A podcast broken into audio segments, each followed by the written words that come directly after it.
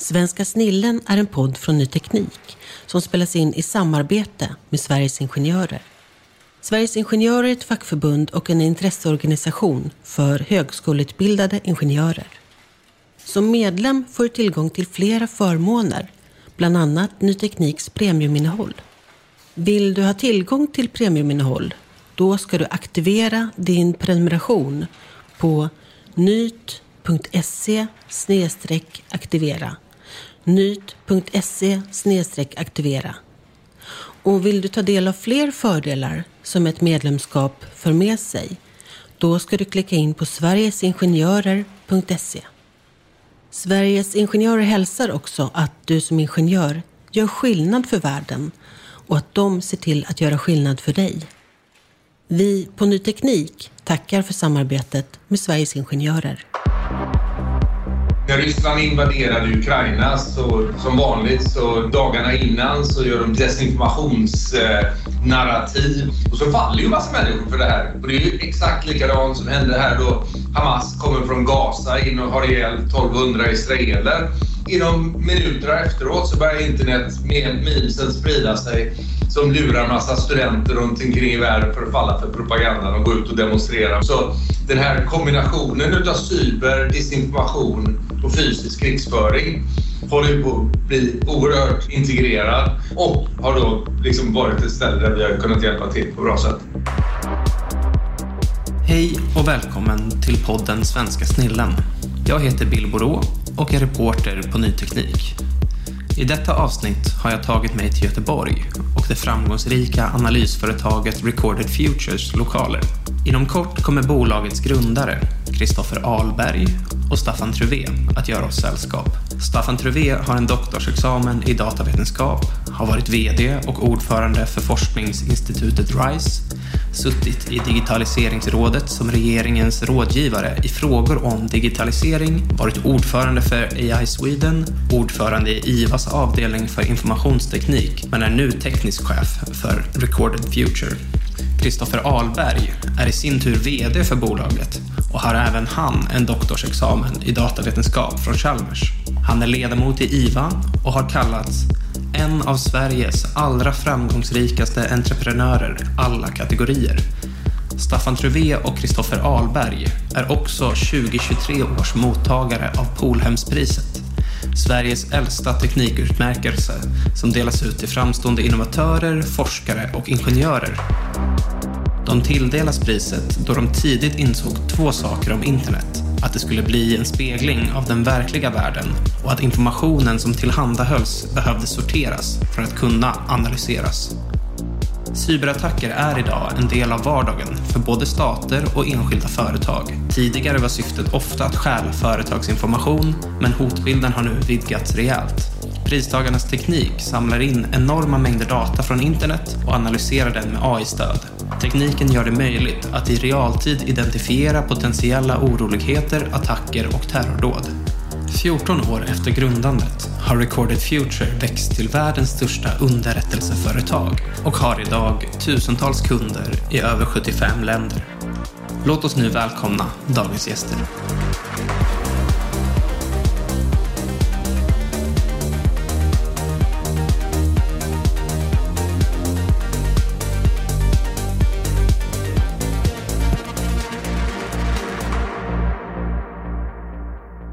Kristoffer Ahlberg och Staffan Truvé, varmt välkomna till podden Svenska snillen.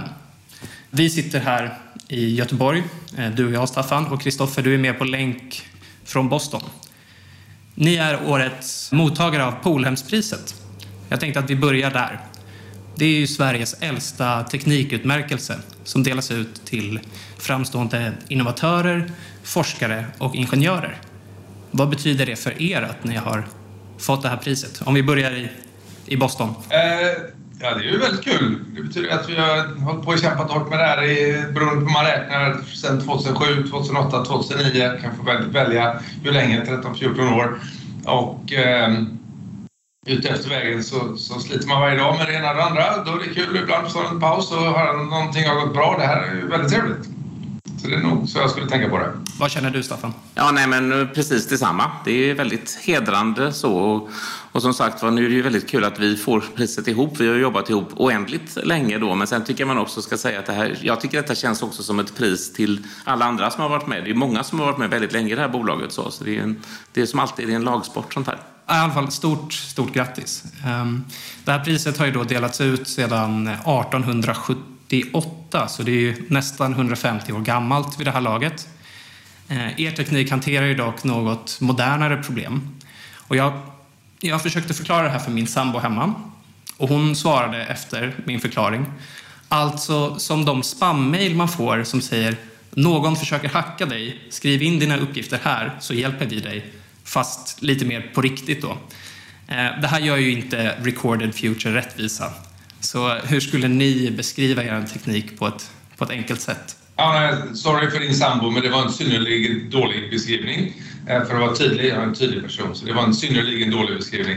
Nej, det vi försöker göra är ju eh, tvärtom, verkligen 100% tvärtom. Vi försöker vårt jobb är ju att stoppa till exempel folk som skickar ut massa spam-e-mail, men kanske även lite värre aktörer oavsett om det är cyberaktörer eller krigs, folk som är i krig eller disinformationspersoner. Där vi försöker använda internet som en inhämtningssensor för att samla in data av alla dess sort. Vi kan ta och prata mer om det, analysera den datan och sen kunna använda den för att stoppa till exempel den här personen som skickar ut spam-e-mail eller den, om det är en kinesisk eh, aktör som försöker hacka sig in i ett power grid-system i Indien eller om det är en rysk eh, aktör som försöker påverka valet i Frankrike eller vad det nu må vara. Så, det, det är sådana grejer vi gör.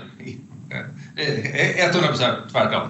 Staffan, om du skulle sätta det i enkla ordalag, har du något annat? Nej, men det är, som Kristoffer sa, mina idén är ju att eh, idag är ju världen sån att allting hamnar på internet. Allting planeras på internet. Om du tar de här cyberkriminella till exempel, de har ju sina egna kommunikationskanaler och forum där de pratar om vilka verktyg och metoder de ska använda. Det är till och med att man kanske frågar om hjälp när man vill bryta sig in hos ett visst bolag. Då. Så genom att eh, suga i oss så mycket information vi bara kan och organisera och analysera den så kan vi ju ge möjlighet till de som ska försvara världen då att få så tidiga signaler som möjligt på att någonting håller på att hända. Det är ju det som är grejen att cyber eller IT-säkerhet har ju alldeles för länge ägnat sig åt att försöka reparera skadan efter att något har skett. Vi vill ju att folk ska veta innan när någonting riskerar att ske så att de kan förbereda sig och förhoppningsvis så att bygga skydd innan det dåliga händer. Mm. Så en sorts, ja men som du säger, man vill, man vill eh, hantera, hantera allting innan skadan är skedd. Precis, ja. en klassisk underrättelsetjänst går ut på att försöka hitta tidiga signaler på att dåligheter händer.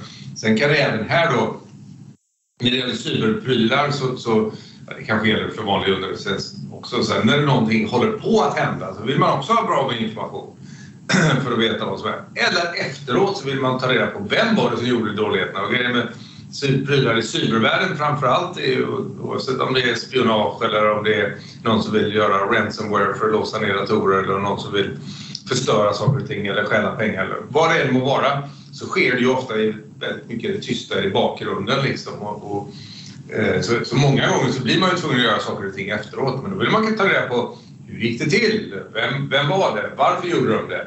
Så jag kan liksom använda det som feedback för hur, hur jag ska försöka arbeta bättre framåt. Och en, en annan grej man kan säga där det är ju också att eh, ofta är det så här att men om man till exempel gör då en, en phishing-attack till exempel. Ofta gör ju folk det så att säga kanske i en viss geografi. Man ger sig på banker i södra Europa kan vi säga till exempel.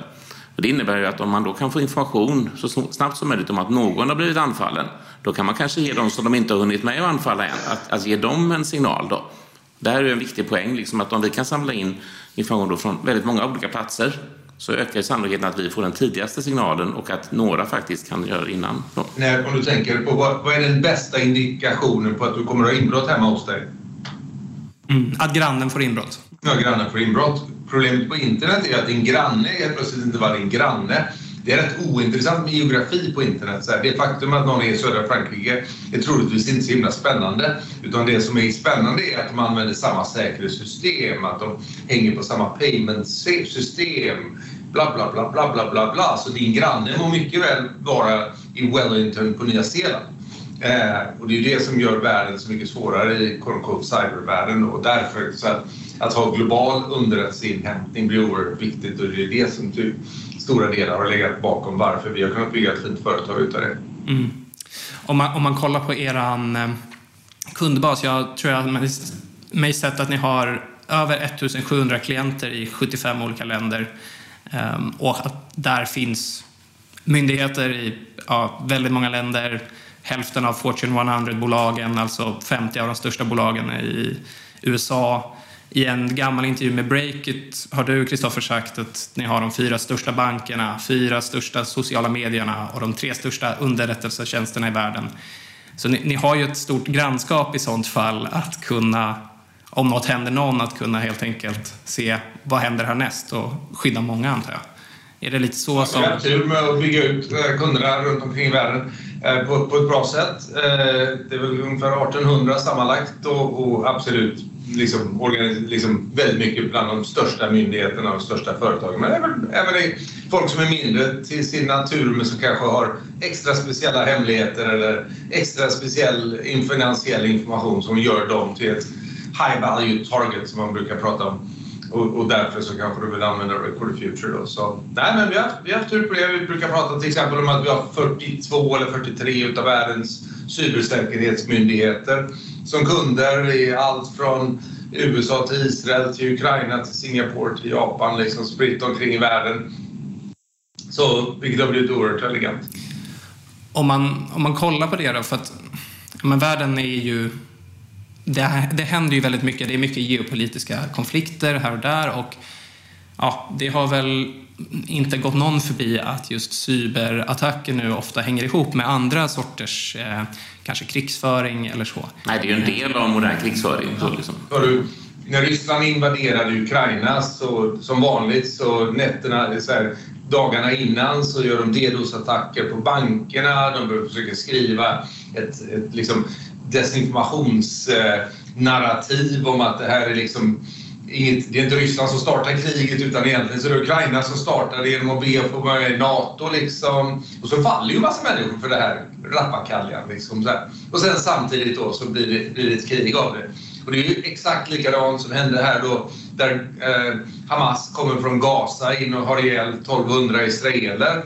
Och sen inom minuter efteråt så börjar internet med memesen sprida sig som lurar massa studenter runt omkring i världen för att falla för propagandan och gå ut och demonstrera med Hamas-flaggor. Liksom. Så den här kombinationen utav cyber, disinformation och fysisk krigsföring håller på att bli oerhört eh, eh, integrerad och har då liksom varit ett ställe där vi har kunnat hjälpa till på bra sätt. Går det, går det ens att liksom tänka sig att man kan vinna den här kampen. Alltså för att det blir ju... Ja, det, det är ju alltid väldigt många som jobbar med desinformation och jobbar med... Ja, men jag menar, det enda man kan göra det är ju som sagt var att vara ultraambitiös med att försöka samla in information så brett som möjligt.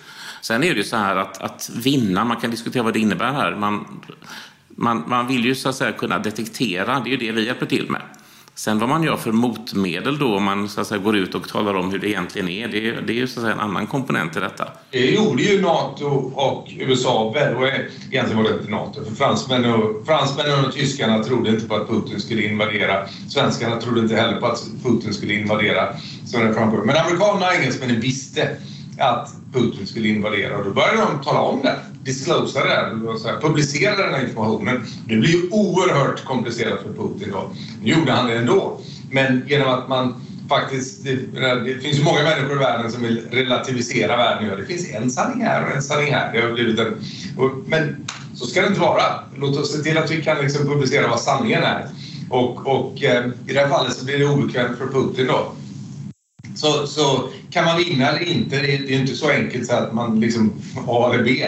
Men absolut eh, så, så kan man vara ordentlig på, som Staffan säger, vara väldigt ambitiös vad man samlar in, hur man analyserar, titta från olika perspektiv. Jag har sett hur man kunnat använda kombinationen vår data med AI för att kunna väldigt enkelt och snabbt kunna följa narrativ. Liksom så här, om det pågår någonting, i, inte vet jag, liksom, i Ukraina så vill du ha det ryska perspektivet, det ukrainska, ukrainska perspektivet och kanske det mer generella europeiska perspektivet. Du kan lägga dem bredvid varandra på ett väldigt snabbt och enkelt sätt. Det är en uppgift som tidigare kanske skulle tagit, oavsett om det är en journalist eller en underrättelseanalytiker eller vem det nu var, kanske dagar, veckor att göra. Det kan bli mycket snabbare att göra med en dator idag och sen låta människan fokusera på att analysera det som är ovanpå det. Då.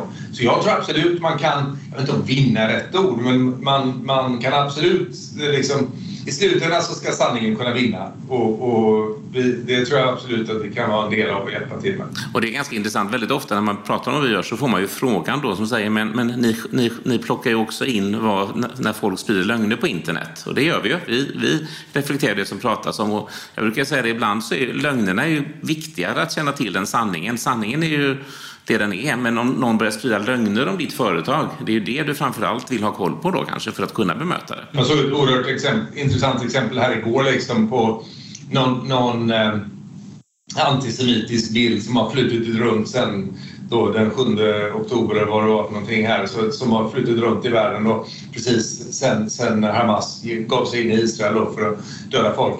Eh, och den här bilden har vi sett på alla möjliga olika ställen då, men där vi då bildanalytiskt kan komma tillbaka och se att den här kom ut liksom direkt efter den här eh, attacken då. Där man då kan se att ja, det var intressant. De hade redan då börjat propagera, liksom göra sig redo med sina antisemitiska budskap i anslutning till själva attacken då. Och, och den typen av prylar, då kan man liksom eh, det, kanske du säger att det är lite för sent då i det fallet, men, men, men jag tror att man kan genom att kunna förstå information på storskalig nivå här så kan man eh, hjälpa till ganska bra.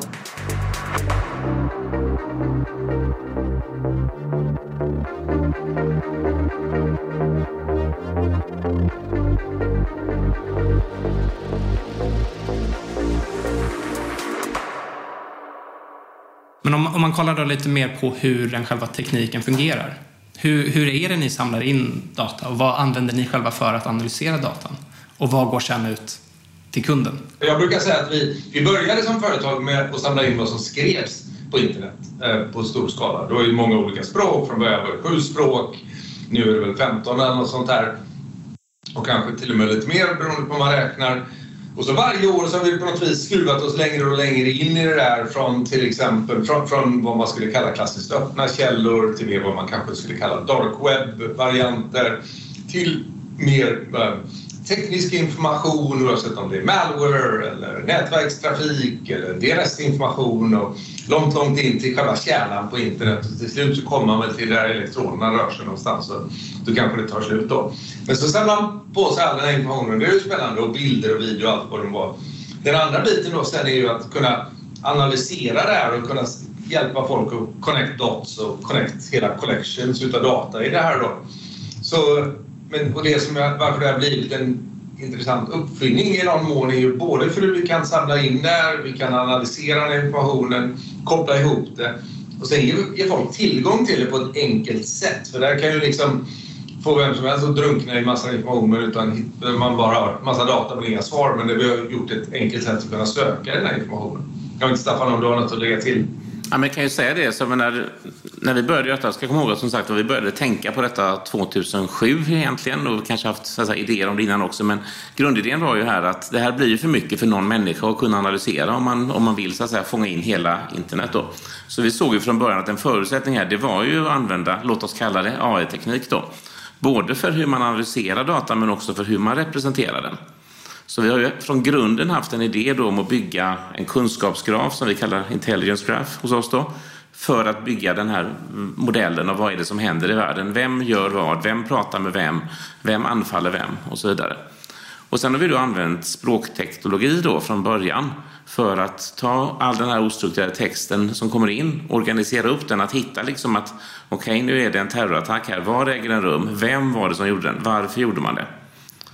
Och att göra detta på flera språk som Kristoffer sa. Och att till och med då representera det i den här grafen på ett språkoberoende sätt. Så att man kan kombinera det som skrivs på tyska, och franska, och arabiska och kinesiska om samma händelse. Och till exempel förstå de olika perspektiven. Då. Men sen då den viktiga poängen att det var där vi började då. Och, men det, det mest intressanta datan vi får idag kanske inte är de här språkgrejerna längre utan det intressanta vi gör är med mer teknisk information från internet. Då. Mm. Men att vi sen då kunnat koppla ihop de två bitarna på ett oerhört bra sätt. Och även när du går in i de mest sofistikerade underrättelsetjänsterna runt omkring i världen så tenderar de här grejerna att leva på olika sätt. Då. Sen är det därför USA har 17 underrättelsetjänster och Sverige har tre eller fyra beroende på hur man räknar. Och det tenderar ofta vara lagligt bestämt vem som får titta på det här. Att underrättelsetjänst A får bara titta på typ information av typ A och tjänst B får bara titta på en viss typ av information. Vi har inte det, det, den constrainten utan vi kan kombinera information på alla möjliga bra sätt och vis. Då. Och det, där kan vi göra saker och ting som kanske andra, andra myndigheter inte kan. Då. Men ni, ni använder bara öppna datakällor som finns på nätet va? och liksom skannar? Man, man tänker sig man, det finns ju två sätt att kalla saker och ting öppna. Då. Dels har du det här vad man kallar open source, är det engelska ordet här. Då. Och open source är egentligen vad som har klassificerats som hemligt. Så du skulle kunna ta en, någon skulle kunna lyssna på den här podcasten, skriva en rapport om den och säga att det här var väldigt intressant. Och så lägger de till lite analys om den och säger att eh, det var det här jag förstod av den här, mina slutsatser. Och sen stämplar man top secret på den. Boom! Nu är det ingen öppen eh, dokument längre, nu är det här top secret. Så det är klassificeringen. Eh, Öppna källor å andra sidan kan man då tycka, då frågar man så här, om någon samlar, har en satellit i rymden och samlar in satellitbilder, är det en öppen källa eller inte? Liksom? Eh, det kan man argumentera om. Jag skulle säga att det, att det var rätt öppet, så här, men inte, för att det är liksom legalt att ha en satellit. Det må vara att det är dyrt att ha en satellit. Det är, det är inte så om vi tre skulle börja skicka upp en satellit imorgon, det är inte sådär skjuter du, så snyter du näsan. Men, men det är ju liksom öppet i någon mån. Då, så här. Om vi vill lyssna på telefonsamtal så är det ju uppenbarligen vad vi inte kallar öppet. Liksom, för det är ju oerhört liksom, legalt. Liksom, där. Man vill öppna ett brev vid gränsen alla 1940 liksom, så, här, så är det ju också stängt. Och, så här. Det är, så, för att vara 100% klart, vi öppnar varken brev eller lyssnar på telefonsamtal. Vi varken kan eller borde eller liksom, det vore olagligt och vi vore i fängelse innan vi linkade om vi gjorde det. Men däremot så är internet är ju väldigt intressant då. Att när du har internet och, och våran sensor är internet i princip för 99,99 procent av vad vi gör då. Och internet här eh, som vi tar oss in i ett ryskt forum så nej, det är inte öppet. Det är, liksom, det är fel det du säger när du säger att det är öppet. Men däremot så är det ju enligt en government, för vi måste använda alla möjliga metoder för att komma in i det här forumet, slutna forumet där någon har en liten klubb. Så här, och vi vill kunna samla in där inne.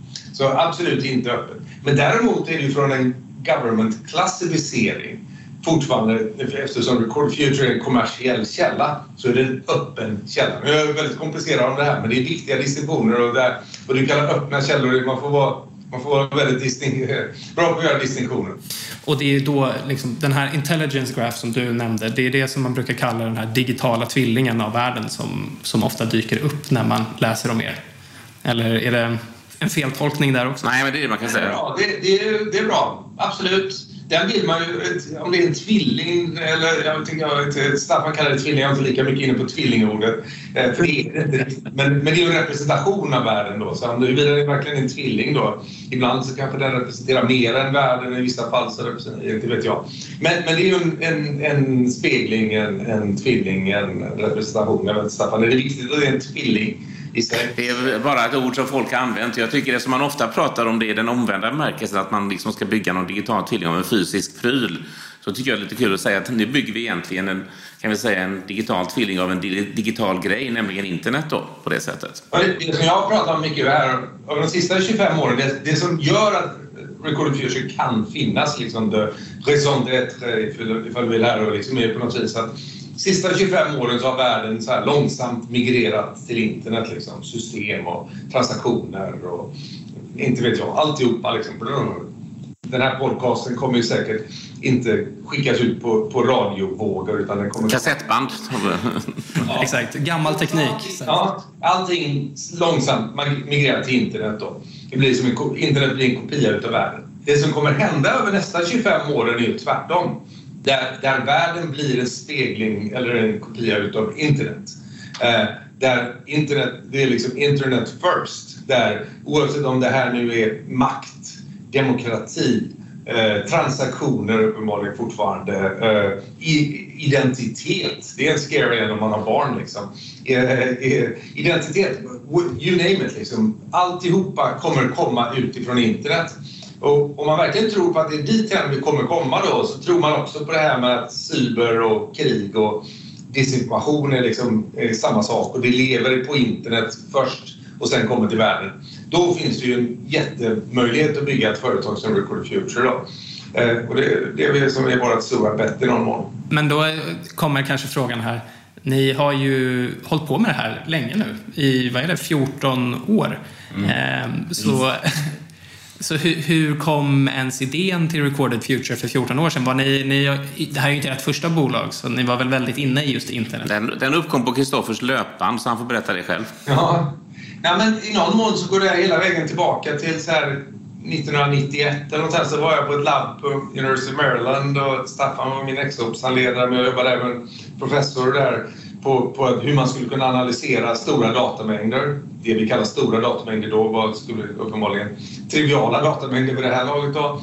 Och så höll vi på med några grejer och det blev Spotfire där vi jobbade tillsammans och, och byggde det och så sålde vi det bolaget. Så, så i samma veva som vi höll på att sälja det så var jag som Staffan sa på min treadmill och så slog det mig att istället, istället för att tänka på bara analysera datamängder, liksom, den, det ultimate datamängd här är ju liksom internet i sig. Va? Om all data flyttas till internet i hela världen. Det blir, om man tänker sig biblioteket i Alexandria, liksom, när det var, liksom, inte vet jag, tusen år före Kristus eller något. Om man fast det här, nu är det motsvarande grej. All information slut, dyker upp på internet. Så jag har helt säkert helt fel om Alexandria där, by the way. Whatever. Eh, eh, hela, om all information finns på internet, varför bygger man inte en analysmotor som är liksom hårdkodad in där, eller hardbolted onto the internet? Och så får man bygga analys verktyg som gör att det här kan funka i realtid. Då. Eh, och då började vi igen med det som skrevs men så hela tiden bara sig djupare och djupare i det. Så jag sprang upp i mitt kök eh, från treadmillen i stor iver och skrev ner vad som var en eh, första patent application där som, som kan, den kan man hitta om man kollar i USPTOs prylar. Eh, och sen så gjorde jag ingenting med den, den bara låg. Men sen efter ett tag så ringde Staffan och, och Erik Wistrand och Jan Sparud och Kaspar Willeman och en bunt av andra liksom, old buddies här och sa det här, nu har vi en bra idé här, nu kör vi igen. så körde vi igen. Så man kan säga att om man vill få det att låta gammalt riktigt så är det ju som en 31 eller 32 år gammal idé som bara har utvecklas över tiden. Då. Men man kan ju säga, det fanns ju också, jag menar om man tittar då liksom runt där 2006, 2007, jag menar det hände ju massa grejer i världen. Det var då liksom som iPhone kom, det gjorde liksom att vi människor verkligen blev sensorer och liksom sociala medier började växa. Det var precis då också som faktiskt kan vi säga, den här moderna AI-revolutionen började. Liksom att det var då den här, de första så att säga, kritiska papperna runt deep learning kom. Och det var ju liksom, som sagt en förutsättning att vi såg här att det fanns möjlighet att faktiskt bygga ett system som kunde förstå text bra nog. Hade vi, haft, hade vi försökt samma sak tio år tidigare så hade det misslyckats kan jag säga. Eh, intressant nog kan man säga att hade vi försökt tio år senare så hade det varit lättare att göra. Det har hänt otroligt mycket här nu då. Men, men vi hittade nog, det var liksom många faktorer samtidigt. Det är väl ofta så liksom att det är en bunt saker som råkade sammanfalla tidsmässigt då som gjorde att det var rätt tid att göra detta. Absolut. Och sen den andra stora grejen som också kom vid den tidpunkten var att vi byggde, vi byggde den första versionen av saker och ting så stod det gick på något litet datacenter i Göteborg som var lite halvtramsigt. Men sen fattade vi att shit, vi ska ju köra det här på Amazons AWS-tjänst.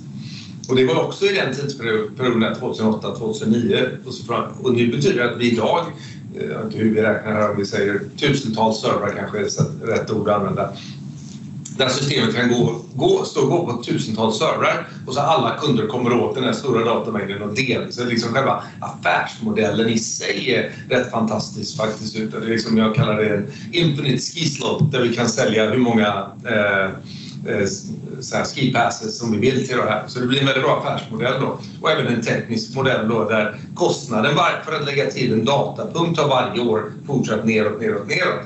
Vilket igen, man har gjort det tio år tidigare så det hade inte gått fysiskt. Det hade nog inte fysiskt ens gått, gått att göra. Då.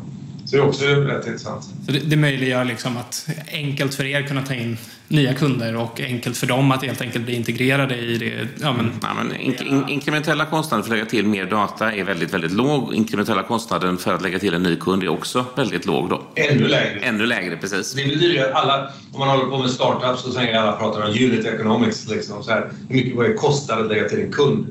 Och, och, i många fall så när folk bygger startups tänker de inte efter på det liksom, och så, så märker de på det tredje året att shit vad när jag, lägger till, när jag skaffar mig en ny kund, jag, jag förlorar pengar för varje ny kund jag lägger till. Liksom. Men här blir den modellen ganska bra, liksom, man har kommit över en viss hamp. Så.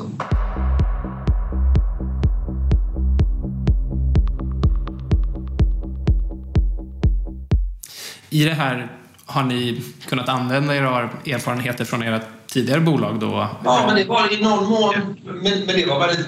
Det var både...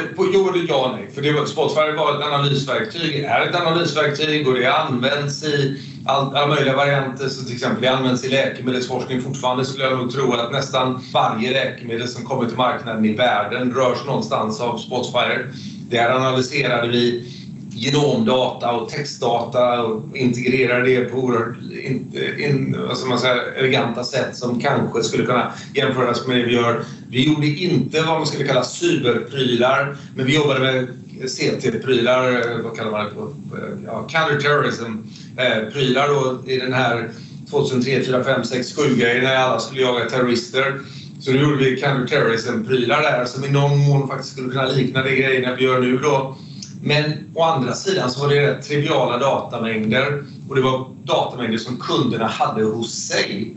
Medan nu har vi ju liksom byggt en... Vi har datamängden så själva modellen är ganska radikalt annorlunda. Man får säga att det finns ju liksom ett Spotify-DNA i bolaget på det sättet i termer av att tänka på hur man gör data tillgängligt och förståeligt för människor så liksom på det sättet.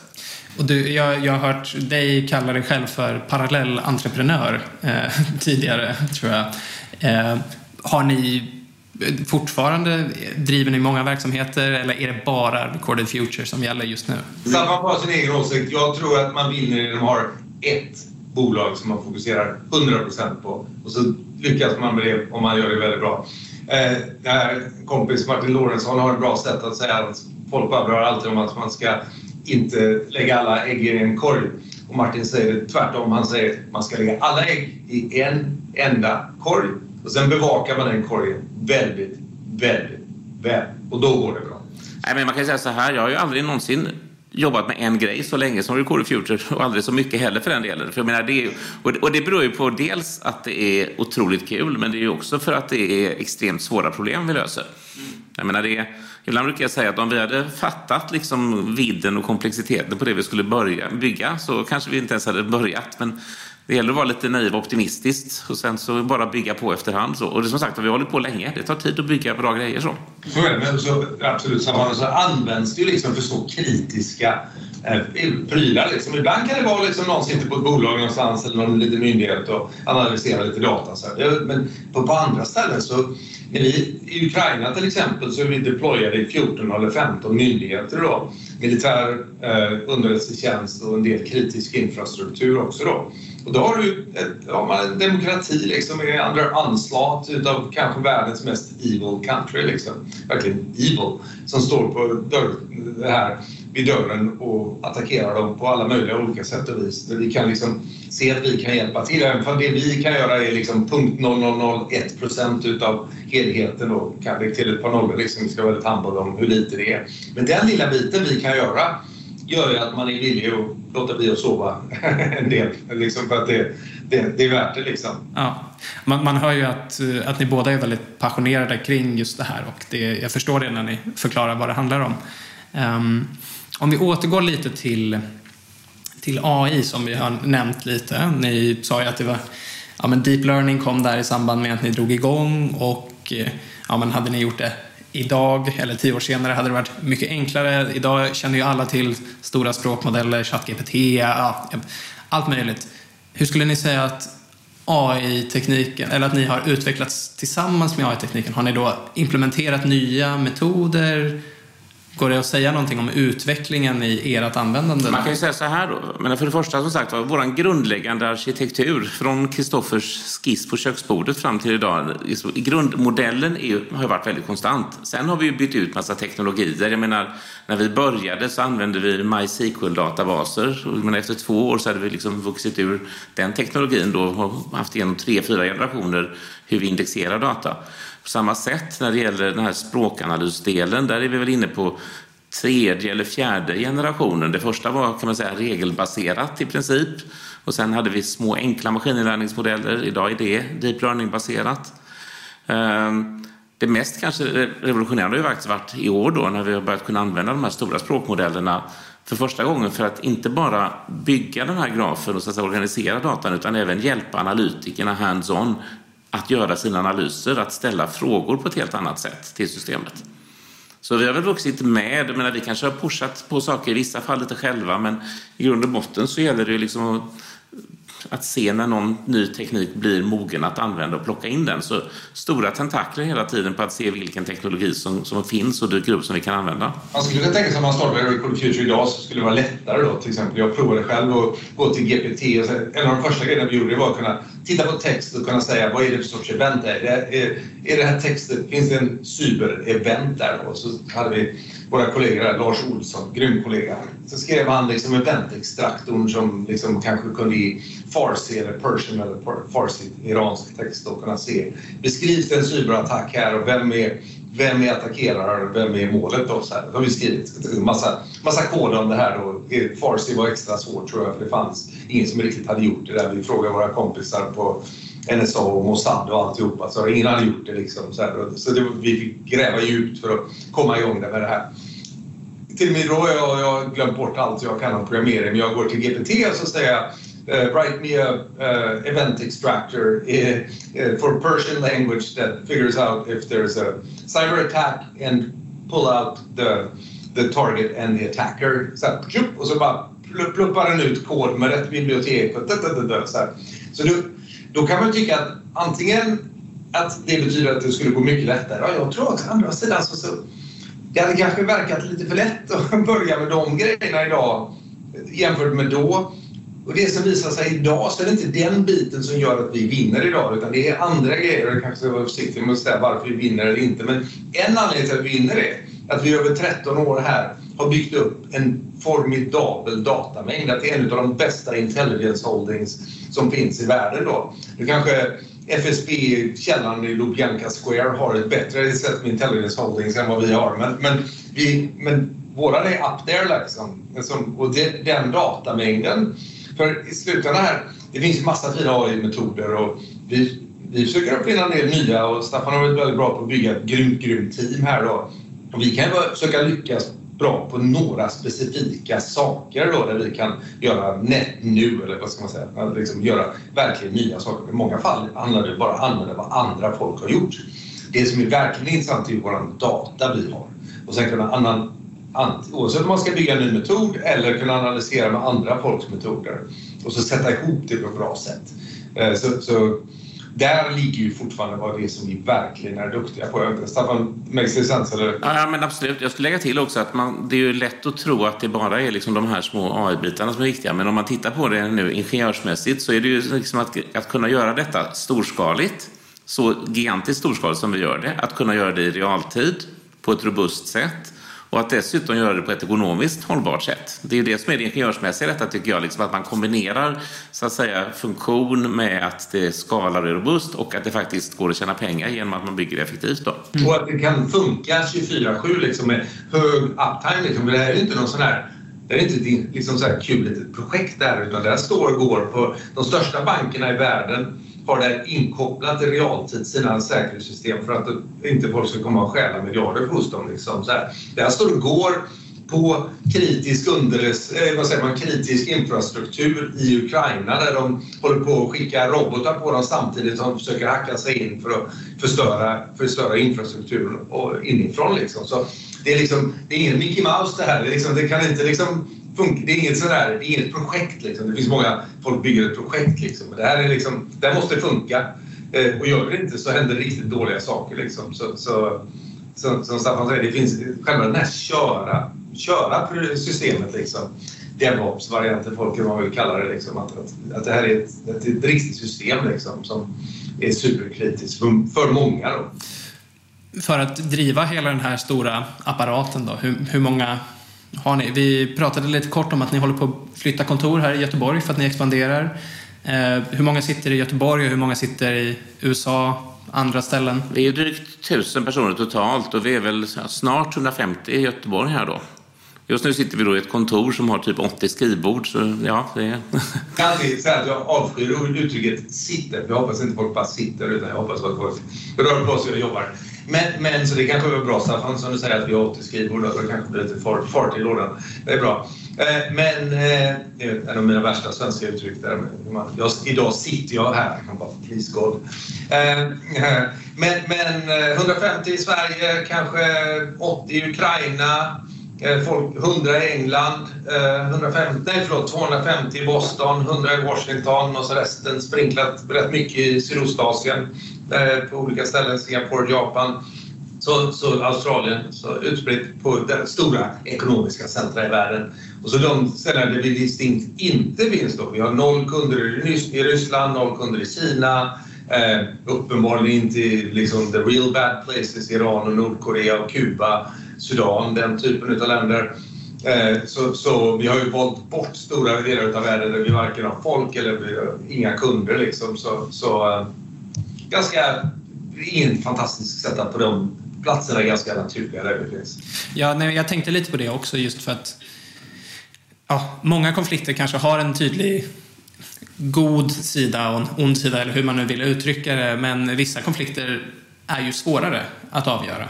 Eh, men så, ja, hur, eh, hur ser man till att de man säljer sina tjänster till använder det för någonting bra?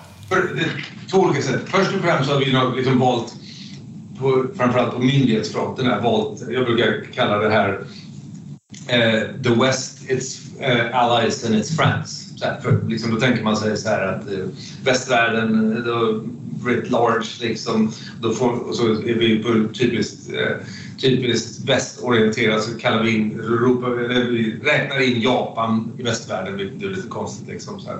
Geografiskt, men så gör vi. Eh, Japan är en allied, eh, Malin då, allierade med Japan, eh, till och med Sverige allierad numera, inte tidigare kanske så här, Sverige hade varit en vän då.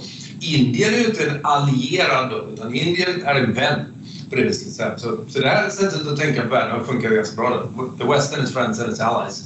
Um, och, och, sen kan det absolut, som du säger, finnas konflikter däremellan. Inte vet jag, Grekland och Turkiet har varit arga på varandra i 30 år. Liksom, eller, um, Eh, Eh, och det finns ju massa varianter på sådana eh, prylar. Då. Och då, där är det ju enkelt att säga att på blandar aldrig in sig i vad folk gör utan vi fokuserar på vårt verktyg och levererar det och sen så Grekland och Turkiet vi har grekiska kunder och vi har turkiska kunder och det är inte vårt jobb att ge sig in i vad, vad de håller på med i detalj. där. Men däremot så är en bunt grejer vårt licensavtal säger att inte produkten får användas för offensiv eh, aktiviteter. Det är en defensiv produkt liksom, så det får alla skriva på uh, när de gör det. Man kan de försöka lura oss om det, men det, det är liksom man, det. Nummer två så är det ett antal länder vi inte säljer till. Uh, och sen har vi en utökad naughty list som vi kallar det. Liksom på, den kommer jag inte att prata i mer detalj, men det, där det finns en naughty list på, på till organisationer vi inte säljer till.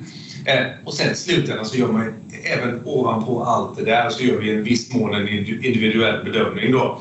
Där det inte, vi har ju inte miljoner kunder, vi har inte hundratusentals kunder. Vi har eh, liksom 1800 kunder och, och det coola är att vår advokat, eh, general counsel, tror jag vet varenda en av dem och han är jättebra på att fatta när det är någonting konstigt som är på väg att hända. Så jag tror vi har ganska bra ordning på det.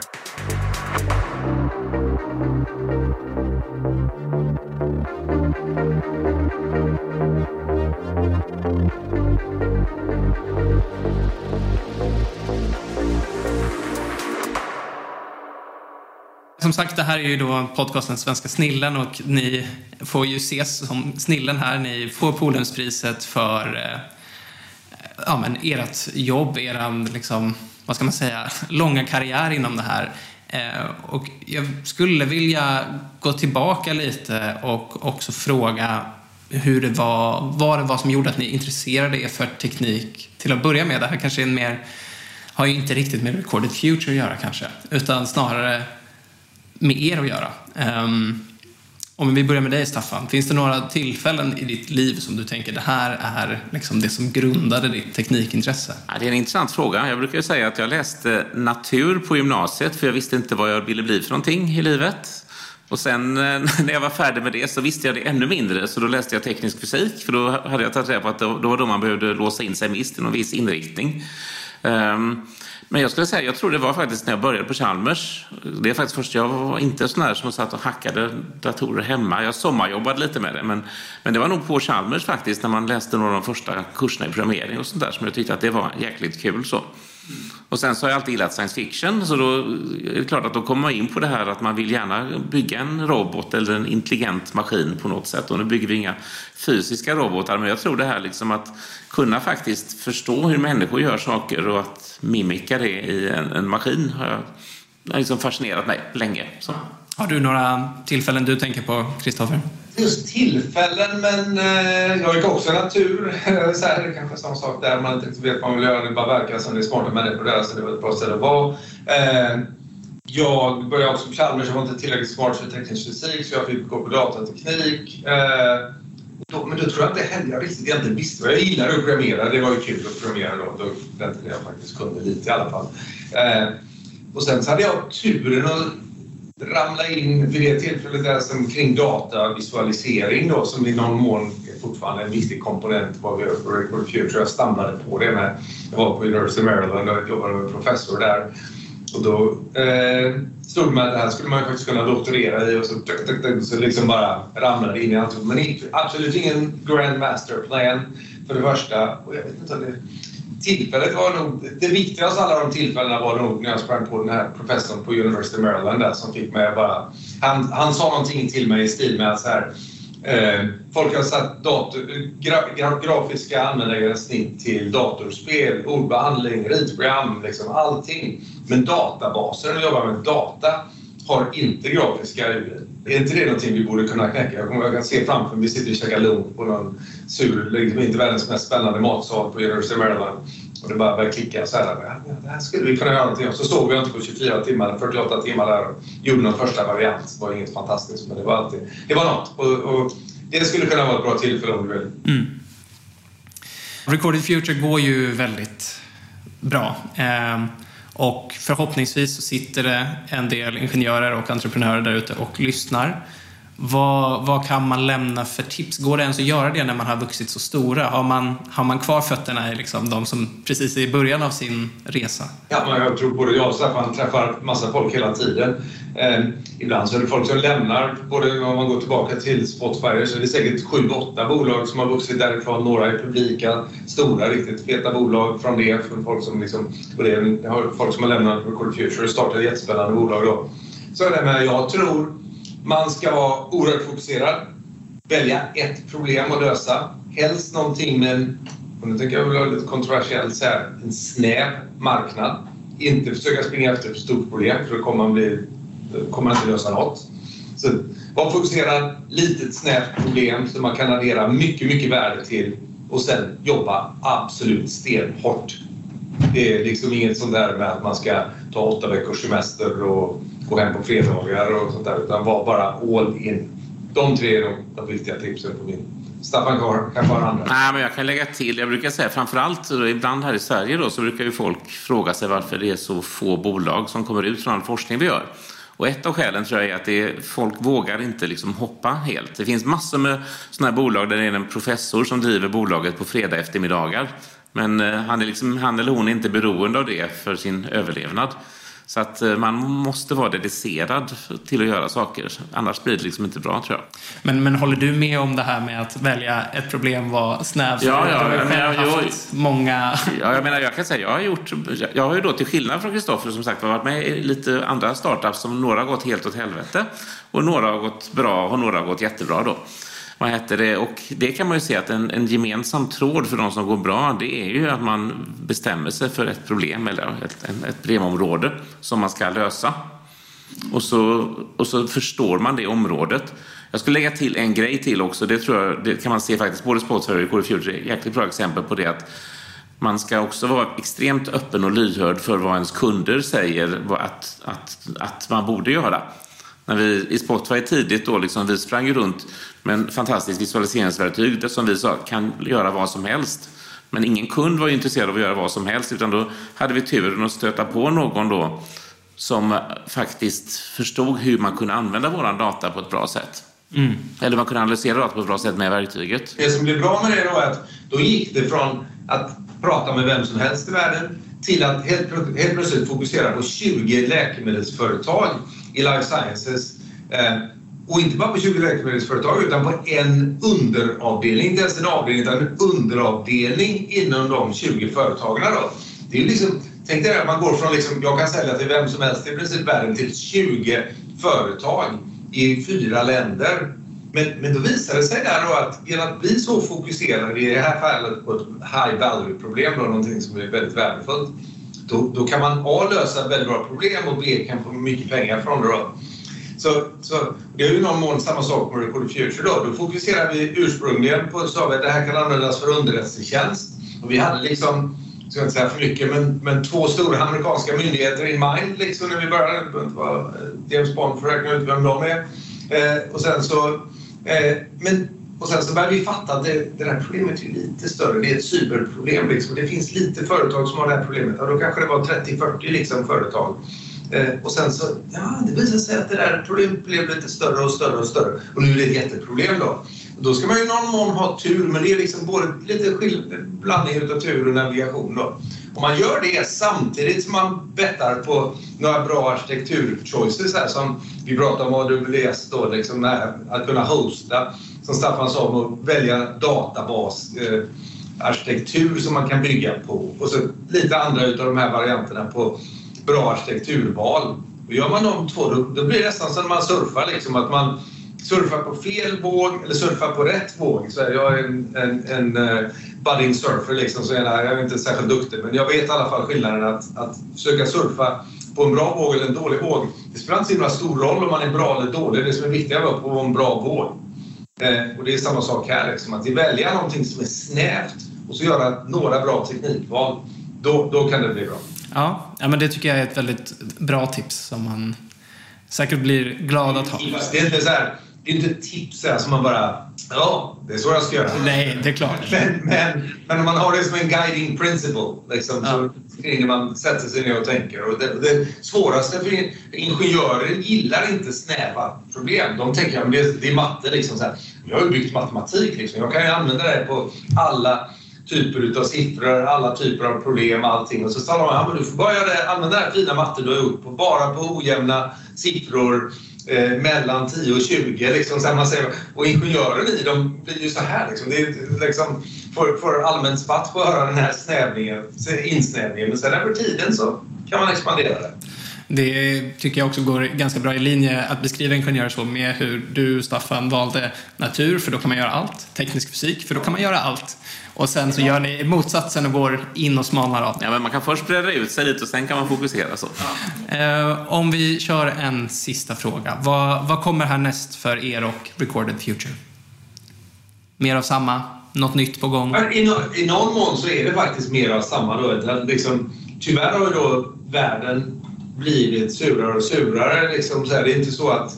Men det som händer är att jag beskrev internetutvecklingen tidigare liksom, och det kommer också betyda att mängden datorer som är sårbara i världen kommer att adderas. Man lägger till en nolla, lägger till en nolla till och lägger till en nolla efter det. Liksom. Och alla de här datorerna kommer att vara mer och mer ihopkopplade, mer och mer connected. Då. Och det betyder ju ännu mer chanser att ge sig på att göra dumheter med dem. Då. Så, så det betyder att det finns en jättemöjlighet för oss att, att fortsätta göra det. Det kopplat med, så tror jag, och min, min prediction om världens eh, konfliktbenägenhet här, vi hade liksom fint på 90-talet och tidigt 2000 kanske. Nästa tio år här kommer inte vara roliga. Så de två grejerna är, är bra för Record the Future, så mer av detsamma. Men andra biten är väl, även inte, på teknikhållet så är det nog använda alla AI-prylar nu. Det är väl nog den, kanske den allra viktigaste, är det inte det samma? Jo, nej men jag höll faktiskt vår första användarkonferens för tio år sedan så höll jag ett prat som hette Deeper, Broader, Faster, Better. Och det är liksom, i någon mening är det det vi har jobbat på sedan dess. Att liksom gräva oss djupare ner och samla in mer data. Att liksom bredda insamlingen och sen att göra bättre analys. Att vi brukar prata nu om att vi ska flytta analytikerna till höger, det vill säga allting som går att automatisera med AI-teknik ska vi försöka automatisera så att de kan få tid över till att fokusera på de här vad ska kalla det, högre kognitiva processen, att analysera och fatta grejer, men att ge dem mer och mer stöd hela tiden. Och det, som jag sa innan, vi är inte färdiga än med det. Det, finns, det kan vi hålla på med tio år till. Det är ett lite unikt område det här med att göra underrättelseprylar inte helt unikt, men ganska unikt. Om du gör annan typ av analysprylar, du analyserar, inte vet jag, säljanalys eller till, tillverkning eller logistik eller något så ändras inte så himla mycket hela tiden. Då. Det finns ingen motståndare i den datan. I våran, vår analys, så, när vi kommer på något clever och vi publicerar en rapport om eller vi ger tillgång till data till våra kunder eller vad det nu må vara. Det finns ju motståndare på andra sidan. Det finns folk i, på Ministry of State Security i Kina eller på eh, GRU eller SVR eller FSB i Ryssland, liksom på det här jag pratar om Lubjanka Square. Det sitter folk, kanske inte just på de sitter på en byggnad över från Lubjanka Square och analyserar vad företag som Record Future gör. Det betyder att vi, man kan liksom inte bara bygga Record Future och sen gå hem utan vi måste vara där varje timme, varje dag, varje, eh, liksom, vad det nu må vara och konstant skruva på saker och ting. Så det är liksom ett eh, jag vet inte vad man kallar det, katt och mus-spel här som, som pågår varje sekund. Liksom. Eh, och det är ju det som gör det spännande, men det betyder också att man aldrig riktigt får sova. Nej, jag förstår det. Um, och med det så tycker jag att vi, vi låter dig återgå till att skruva på ännu mer saker då. Uh, och, så, och så tackar vi jättemycket Kristoffer Ahlberg och Staffan Truvé för att ni var med här idag. Tack. Kul att vara med. Tack. Tack till Staffan Truvé och Kristoffer Ahlberg. Och tack till dig som har lyssnat på detta avsnitt av Svenska snillen med mig, Bill Borå. Research har gjorts av Peter Ottsjö. Lyssna gärna på de tidigare avsnitten av Svenska snillen där ny teknik intervjuar framstående innovatörer och ingenjörer. Har du frågor får du gärna höra av dig till redaktionen nyteknik.se. Svenska snillen görs av Ny Teknik i samarbete med Sveriges Ingenjörer.